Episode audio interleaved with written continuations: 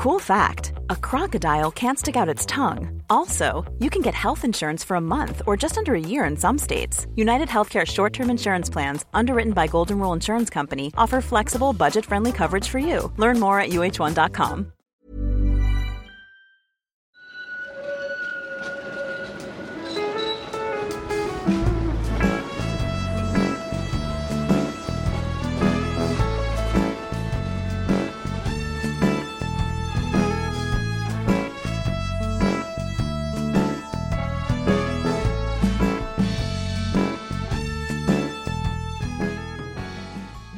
Hej och välkomna till Gator och torg i Göteborg, en podcast om platser i Göteborg. Jag heter Malin Axelsson och jag är programledare i podden och med mig så har jag ju som vanligt Mattias Axelsson, Hallå, hallå? Göteborgskännare och gymnasielärare. Ja, diversarbetare. Lite olika kompetenser har jag på min... Olika Eh. strängar på min lyra som man brukar säga. Ja, precis. Bland annat den här podden. Mm. Eh, vi vill påminna om att man kan bli Patreon och stötta podden med en liten summa varje månad. Mm. Och för att få lyssna på hela det här avsnittet, dagens eller veckans avsnitt, så måste du bli månadsgivare på patreon.com gottor och torg i Göteborg. För annars får du bara lyssna på 10 minuter ungefär och dessutom så behöver du lyssna på reklamen som är i avsnittet. Det slipper du om du blir månadsgivare på patreon.com. Snedstreck gator och torg i Göteborg. Hiring for your small business? If you're not looking for professionals on LinkedIn, you're looking in the wrong place. That's like looking for your car keys in a fish tank.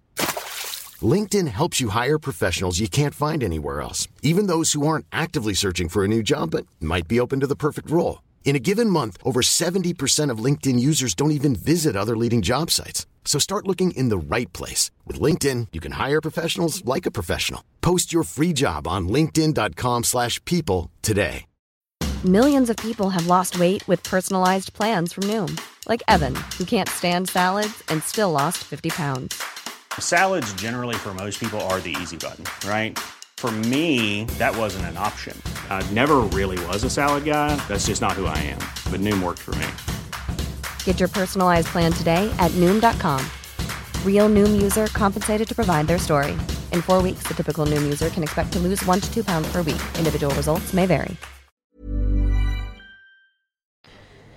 Eh, vi har ju en liten sommarspecial nu. Vi har ju semester båda två Mm. och eh, vi tänkte att vi skulle besöka lite platser vid havet. Mm. Kanske någon sjö, eller? Ja, vi får väl se. Vi ska ju idag åtminstone prata om en badplats som är vid havet och nästa vecka så kommer jag tillsammans med Lina från Mitt i Göteborg att ta, vi ska åka till Smitska udden och prata om den badplatsen. Min favoritplats. Mm, min också. Det kommer väl kanske framgå i det avsnittet. Och sen så kommer vi att besöka, tänker jag, Lillebybadet på Hisingen, kanske åka ut till Styrsön, eventuellt att vi tar oss till Bergsjön och pratar om Bergsjön eller Delsjön eller Härlanda tjärn. Vi får se lite var vi hamnar under juli månad, för det är under juli månad nu som vi kommer släppa ett antal sommarspecialavsnitt. Och vi tänker också att det är, ska finnas badplatser eller badmöjligheter på de ställena vi kommer prata om. Ja, det är väl det som är den som röda tråden för de här sommarspecialavsnitten, just badplatser. Eh, idag ska vi prata om Fiskebäcksbadet Mm. och Fiskebäck. Var, var ligger Fiskebäck? Ja, alltså det ligger ju längs med västkusten, alltså den göteborgska kusten. Och jag tänker om man tar sig från Saltholmen och sen så går man en bit söderut så kommer man till Fiskebäck på havssidan. Om man ska ta sig från land så att säga med bil så åker man väl lämpligast Västerleden och svänger av i Fiskebäcksmotet. Och så kommer man då ner hit till Fiskebäcksbadet och Fiskebäcks hamn och Café Sjöboa där vi sitter och gör dagens avsnitt. Men ska man titta historiskt på Fiskebäck så kan man dela in Fiskebäck i tre områden och då är det från norr till söder. Stora Fiskebäck, Fiskebäcks mellangård och sen Lilla Fiskebäck i de sydligaste delarna. Och man har avgränsat Fiskebäck i norr mot Påvelund, ungefär där Hinsholmskilen går in. Eh, och sen så följer Fiskebäck i princip Stora Fiskebäcksvägen med bland annat byarna Torp och Högen i öster och sen hela vägen ner till Sjöbacken, eller Sjöbacka som den också kallas. Och här i den sydligaste delen av Fiskebäck så ligger ju bland annat då Fiskebäcksbadet och Fiskebäcks hamn som väl är det vi kommer att prata mest om i dagens avsnitt. Om vi börjar ta oss an namnet Fiskebäck, vad, var har man tagit det ifrån? Ja, det är ju från själva Fiskebäcken givetvis, alltså den bäck som rinner genom dalen ner till Sjöbacka. Och det finns ju fortfarande några hundra meter kvar av Fiskebäcken när man kör ner med bilen till Fiskebäcksbadet och Fiskebäckshamn så ser man den på vänster sida och den når upp till Skallkärrsgatan innan den går in i kulvertar. Eller egentligen när man ska vara petig så den yttersta delen av bäcken, alltså det som går som vi kan se idag. Det var tidigare en del av en vik som idag är Sjöbacka. Och när man fyllde igen Sjöbacka så tog man bland annat jordmassor från bygget av Frölunda torg och sen rester av rivningarna i Hage och fyllde igen det här området. Och egentligen så tänkte man att man skulle fylla igen hela viken, men fiskaren Eskil han lyckades säkra en fri vattenväg mellan Önnered och Fiskebäck. Och det är ju den som har fått namnet för, som kallas för Eskils kanal. Och den här bäcken den rann parallellt mellan dagens södra och Stora Fiskebäcksvägen. Jag kommer lägga ut på en karta på vårt Instagram-konto var bäcken rann och man kan hitta i text redan på 1550-talet att Fiskebäcken omnämns. Och Fiskebäcken eller Fiskebäck det är ju ett av många exempel i Frölunda på platser som har namn från naturen, till exempel Ekebäck, Flatås, Backa, Frölunda är ju andra sådana exempel. Och de här namnen, det är ju då tidiga exempel på namn när människor började bosätta sig förmodligen i området. Och sen när man började odla upp nya områden så fick de namn efter att man röjde marken och där har vi till exempel Tynnered, alltså red som i röjning. Men också Önnered och Grimred är liknande namn. Men Fiskebäck det är alltså bäcken där man fiskade, helt enkelt. Och förr så var det en betydligt vattenrikare bäck och fisk kunde gå långt upp i bäcken, säkert när det var storm ute som det nästan är idag. Och ännu i slutet på 1800-talet så kunde man fiska ål långt upp i bäcken. Sen under förra seklet så kom bäcken att växa igen och bli betydligt smalare.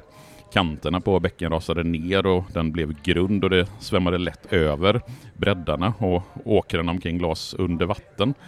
Säven som växte i bäcken, det var populärt bränsle för barn som ville blunta, alltså bränna. Och att det under vissa vårar brann ganska ordentligt ut med bäcken. Sen beslöt man under mitten av 1900-talet att låta dika ur hela bäcken och det ska vara en ung lettisk flykting vid namn Anders Kaikas som låg bakom arbetet med att dika den här bäcken. Och nu går bäcken som sagt i kulvertar, vilket gör att vi kan bara se en liten del av den precis i början av bäcken, eller slutet om vi så vill. Ja, om man ska gå och promenera i Sjöbacka där så kan man se en del av bäcken i diket där. Men hur länge har människor varit eh, bosatta i Fiskebäck? Ja, det finns ju framförallt fyndplatser från de norra delarna, alltså i stora Fiskebäck. Där har man fynd från bland annat stenåldern. Och vi kan egentligen bara spekulera när människor valde att bosätta sig i närheten av bäcken fiske som var möjligt att ha i bäcken. Man kan notera när man tittar på var man har hittat lämningar och det gäller för övrigt stora delar av Frölunda att bebyggelse har vuxit fram på eller ut med bergskanterna i och med att det är där man får skydd från väder och vind. Och samtidigt så placerade man ju givetvis boplatserna i anslutning till den brukningsbara jorden och inte på den brukningsbara jorden. Man behövde ju använda jorden i så stor utsträckning som möjligt. Och sen under hundratals, kanske till och med tusentals år så använde människorna i Fiskebäck för just att odla och för att ha boskap.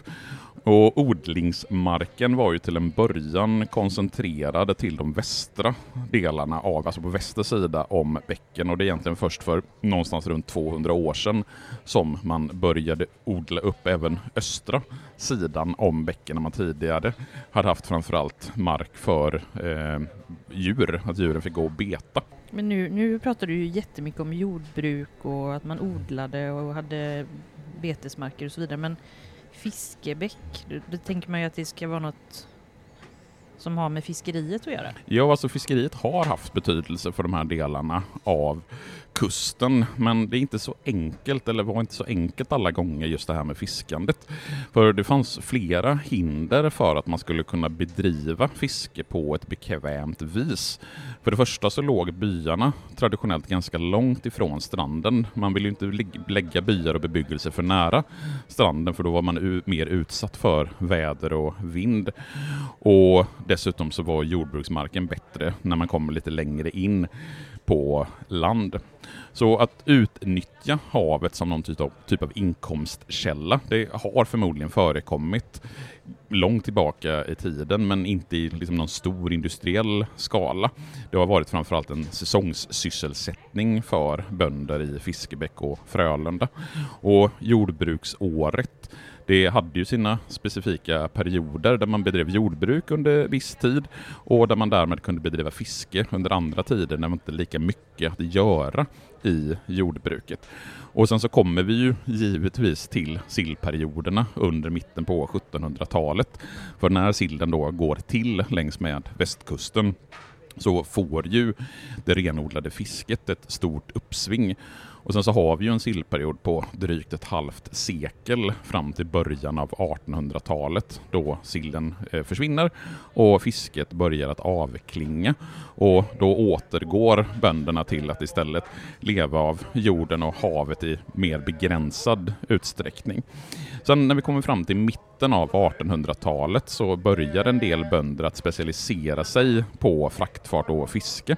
Gårdarna de var oftast små. Befolkningen växer ju dessutom under 1800-talet på grund av bland annat vaccin, fred och bättre mat i Sverige. Messias Tegnér sa ju att det var freden, vaccinet, potäterna som gjorde att den svenska befolkningen växte. Och i och med att befolkningen växer, gårdarna är små, så kan inte jorden delas upp på den växande befolkningen, utan vissa behöver göra annat än att bruka jorden. Vilket gör att under andra halvan av 1800-talet så växer det längs med kuststräckan fram bryggor lite här och där. Och att Fiskebäck har varit en grund havsvik gjorde det svårt för större båtar att ta sig in. Och fortfarande vid första världskriget, alltså början på 1900-talet, så låg de flesta fiskebåtarna inte vid bryggor vid land utan var förtöjda i pålar eller bottenankare en stycke utanför hamnen. Och för att ta sig ut till de här båtarna så använde man mindre roddbåtar och det var de som låg vid bryggorna som fanns ut med stranden inne i själva hamnen som var ganska utsatt för väder och vind så fanns det två stycken bryggor, Stora bryggan och Stenbryggan samt ett antal sjöbodar som låg längs med hamnen. Och när vi pratar om den här tidiga hamnen under slutet på 1800 och början på 1900-talet så är det den hamnen som kallas för Nole hamn. Och Nole hamn var belägen där det är idag parkeringsplats för de som ska ta sig till Fiskebäcksbadet. Och där båtarna står uppställda på vintern. Det kan man ganska tydligt se att det är någonting som har cementerats och lagts på i efterhand. Och fram till mitten på 1900-talet så var ju det här då en hamn. Och ut här där vi sitter, alltså där Café Sjöboa ligger, det var ju ett skär eller en liten ö som hette Lyngskär. Och går man ytterligare en bit ut för att titta på Fiskebäcks småbåtshamn och kommer hela vägen ut så kommer man till den allra minsta ön där, Saltskär. Så den här sträckan från parkeringen och ut till där vi sitter var ju från början ett gäng småöar. Det kommer du kunna se på Instagram också. Vi lägger ut bilderna. Vi lägger ut lite bilder på mm. kartor och så vidare. Men ska vi säga tack och hej till de som inte är månadsgivare på Patreon.com nu, så hörs vi igen om en vecka. Ja, Ciao. hej.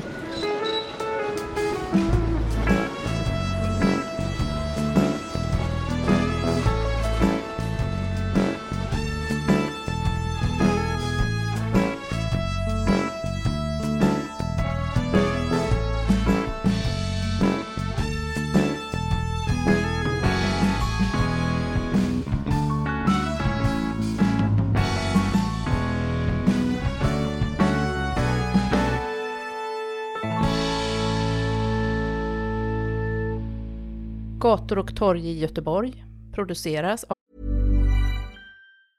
Hi, I'm Daniel, founder of Pretty Litter. Did you know cats tend to hide symptoms of sickness and pain? I learned this the hard way after losing my cat, Gingy. So I created Pretty Litter, a health monitoring litter that helps detect early signs of illness by changing colors, saving you money and potentially your cat's life. Pretty Litter is veterinarian developed, and it's the easiest way to keep tabs on your fur baby's health right at home. Go to prettylitter.com and use code ACAST for 20% off your first order and a free cat toy. Terms and conditions apply. See site for details. Av Reostat Media AB.